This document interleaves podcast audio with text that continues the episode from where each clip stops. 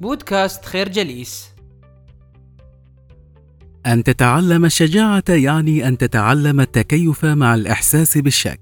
الشك في كافة المعتقدات والإجابات الجاهزة التي تتلقاها عقولنا منذ الطفولة، والحدود المألوفة التي تحد من حرية تفكيرنا، وتجعل حكمنا على الأشياء معتاد، ومعد سابقا في قالب من صنع الحياة، وكأن البشر نسخ مكررة من بعضهم. كونك شجاع يعني كونك متفردا في طريقة فهم عقلك للحياة بناء على رحلة يخوضها عقلك مع التجارب الحياتية الجديدة والتأمل فيها بانفتاح وتقبل للمعاني الجديدة والتعامل معها كما يملي عليك قلبك وعقلك معا. وهي رحلة شاقة تضحي فيها بسلامك الداخلي لتعلم الحياة من جديد. فأصل كلمة شجاعة كوريج. تعني من الأصل اليوناني كور أي القلب. وبذلك فالشجاعة تأتي من القلب قبل العقل والقلب يحب العيش في خطورة اللا معلوم ولا مألوف والعقل شكاك ويعمل لكل لحظة مستقبلية حساب. والشجاعة هي تنسيق بين العقل والقلب. لتتمكن من خلال الشك في الوصول للحقائق التي تناسب عقلك وقلبك معا. الفكرة الشك من صفات الشجعان. فهو يعطي حرية للعقل. في القديم أصر كولومبوس على ترك الأمان على البر والسفر نحو المجهول في البحار ليجد العالم الجديد. اتعني شجاعته تلك بأنه لم يخف ولم يرتعش قلبه؟ بالتأكيد لا لقد خاف ولكنه واجه مخاوفه بحبه للمغامرة والبحر. فالحب هو مضاد الخوف وليست الشجاعة. الخوف لا كيان أو وجود له إنما هو غياب للحب أو مقاومة وجود الحب بداخلك. وتعريف الخوف الحقيقي هو الإحساس بأنك غير محبوب. ازرع الحب في من حولك وستجد شجاعة تأجج قلبك. ولو تعلم البشر الحب لتبددت كافة الحروب في العالم. فمن هو المغفل الذي يترك من يحب؟ ويذهب لينهب أراضي الآخرين.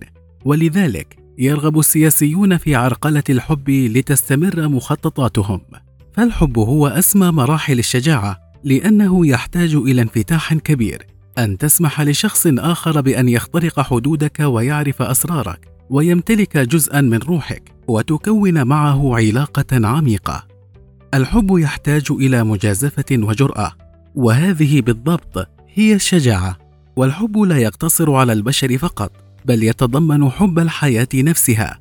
التأمل في الطبيعة وعشق جمالها هو حب فيها وكذلك الحب الإلهي والصلاة إلى خالق الكون بقلب يفيض بالمشاعر والرغبة في التواصل. الفكرة الحب مضاد الخوف وليس الشجاعه التعامل مع المعتقدات والحقائق الحياتية والتعامل مع الآخرين كلها بالطبع أمور تطلب الكثير من الشجاعة. أما التعامل مع النفس فهي أصعب أنواع الشجاعة على الإطلاق. أن تتقبل وتحب نفسك كما هي وأن تصل لحسك الداخلي وتفهم حقيقة أهدافك ورغباتك في الحياة لهو أمر يحتاج إلى مجهود كبير وتأمل عميق وتهدئة لتفكيرك والتوقف عن القلق بالمستقبل. وقوة للتغلب على خوفك من الانفراد عن المجتمع والمجموعات المعدة لك مسبقا. فمنذ الولادة أعد المجتمع حشود معينة لينتمي لها كل فرد. طبقة اجتماعية فريق رياضي مفضل جنسية وديانة معينة بل واحيانا مهنة بعينها.